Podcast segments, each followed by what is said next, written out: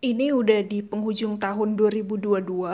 Aku nggak tahu kau dengerin ini kapan, tanggal berapa, tapi aku pengen bilang selamat. Dengan mendengarkan episode ini berarti kau masih hidup. Selamat karena berhasil bertahan sampai di penghujung tahun. Kita sama-sama nggak tahu ya 2023 bakal kayak apa. Tapi sebelum 2022 ini beneran kelar, aku mau kasih tahu satu hal yang kemungkinan besar paling ku sadari sepanjang 2022 ini. Terserah kau mau setuju atau enggak, pembelajarannya itu adalah surviving is not the bare minimum.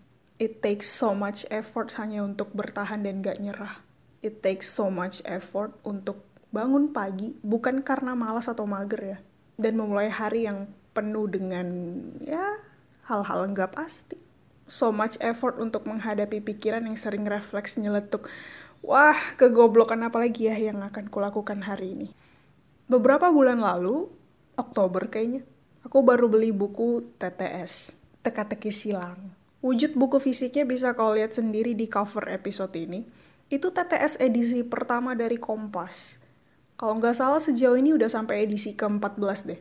Yang edisi pertama ini isinya ada 80 TTS dan sampai ngerekam episode ini aku baru selesai ngerjain cuman 14 TTS dalam waktu 2 bulan. Kenapa aku beli buku yang jadul ini? Ya Allah, ngapain gitu? Ingat nggak tadi di awal aku bilang butuh usaha yang besar untuk menghadapi kebodohan. Kebodohan yang ku maksudnya ya, ya kebodohan diri sendiri, siapa lagi? Situasi di mana aku melakukan satu hal yang benar-benar baru, membiarkan diri sendiri kebingungan, belajar mutar otak untuk cari jawaban, solusi, apa pun itu. Dan ini nih yang paling susah. Menerima kenyataan kalau sebenarnya pengetahuanku tuh nggak sebanyak itu dan nggak sedalam itu. Kalau dilihat sekilas ya, modelan soal TTS itu mungkin memang kebanyakan ya pengetahuan umum atau sinonim biasanya tapi bukan berarti semua orang bisa dengan gampangnya menjawab soal-soal TTS meskipun terkesan simple.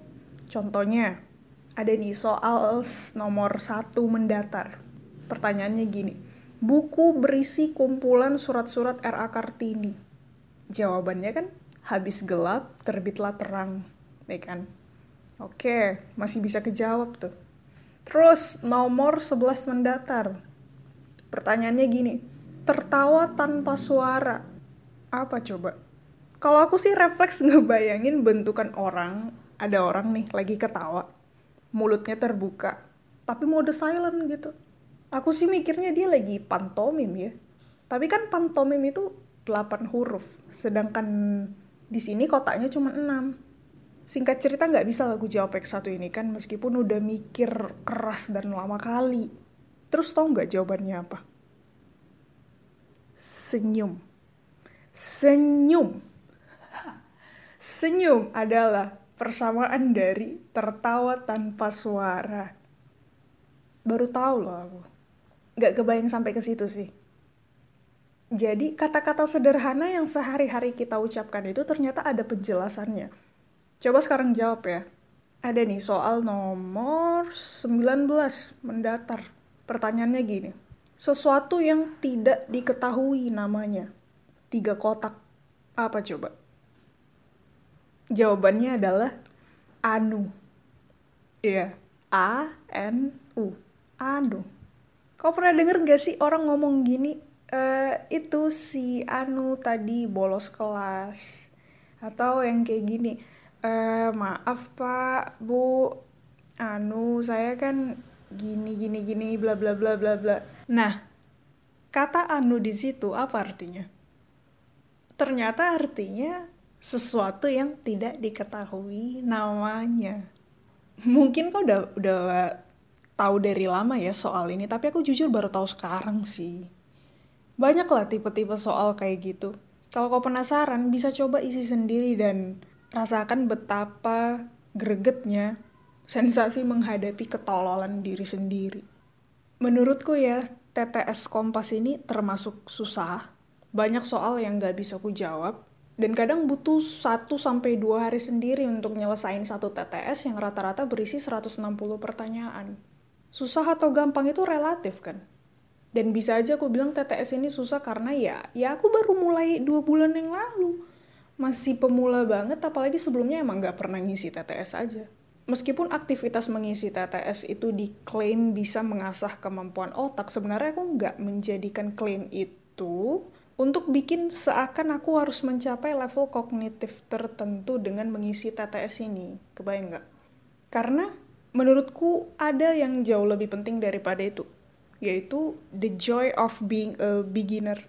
Kesenangan yang dirasakan dengan menjadi seorang pemula. Kok bisa senang sih? Kan kau nggak tahu apa-apa. Ya justru karena itu. Dengan kita nggak tahu apa-apa, sadar nggak sadar pikiran kita itu jadi lebih kepo untuk nyari tahu. Explore segala sudut, segala kemungkinan yang bisa aja terjadi, dan nggak terlalu malu kalau melakukan kesalahan dan ini juga yang ngebuat kita bisa selalu excited mungkin untuk melakukan hal baru. Karena ya no pressure aja. Balik lagi ke tujuan awalku beli buku ini, aku pengen tahu seberapa kuat aku menghadapi ketidaktahuanku sendiri. Sejauh mana aku gak malu untuk mengakui kalau memang aku gak tahu apa-apa sebenarnya. Dan seberapa tahan aku berhadapan dengan hal asing yang sama sekali gak familiar buat aku? Apakah aku akan menghindar atau kayak aduh gila ini susah ya TTS-nya mari kita sudahi sampai di sini. Terus ditutup nggak dibuka sampai sampai Indonesia menang Piala Dunia. Ya lama ya oke. Okay. apalagi gini loh sebagai orang dewasa cilah dewasa. Eh kalian pada umur berapa aja sih? Di statistik pendengarnya sih kulihat mayoritas 18 sampai 24 tahun ya. Berarti banyak yang masih seumuran sama aku nih. Aku 18 tahun soalnya. Mulai beranjak dewasa ya, anak kelahiran 2004 gitu ceritanya. Maksudku, orang-orang dewasa tuh sadar nggak sadar selalu dituntut untuk segera tahu semuanya, bisa menghadapi semuanya, expert dalam banyak hal dalam waktu singkat. Padahal di saat yang sama kita juga sering loh nggak paham sama apa yang lagi kita kerjakan. Jujur aja kalian, tahu-tahu selesai aja.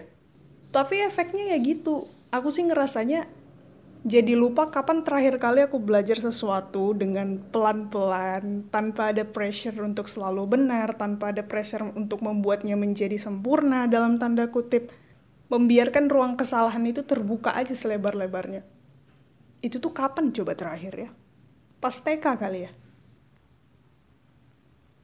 Aku pernah nonton satu video TED Talk di YouTube, kayaknya minggu lalu deh. Judulnya How to Learn Anything Cari aja coba. Di situ pembicaranya bilang gini, penghalang utama dalam belajar keterampilan baru bukanlah tingkat intelektual kita, tapi emosional kita. Maksudnya gini, kita kita tuh gak suka merasa bodoh. Ya siapa juga yang suka sih? Kita gengsi, kita malu untuk mengakui kalau masih banyak hal yang sebenarnya gak kita kuasai. Cause feeling stupid doesn't feel good.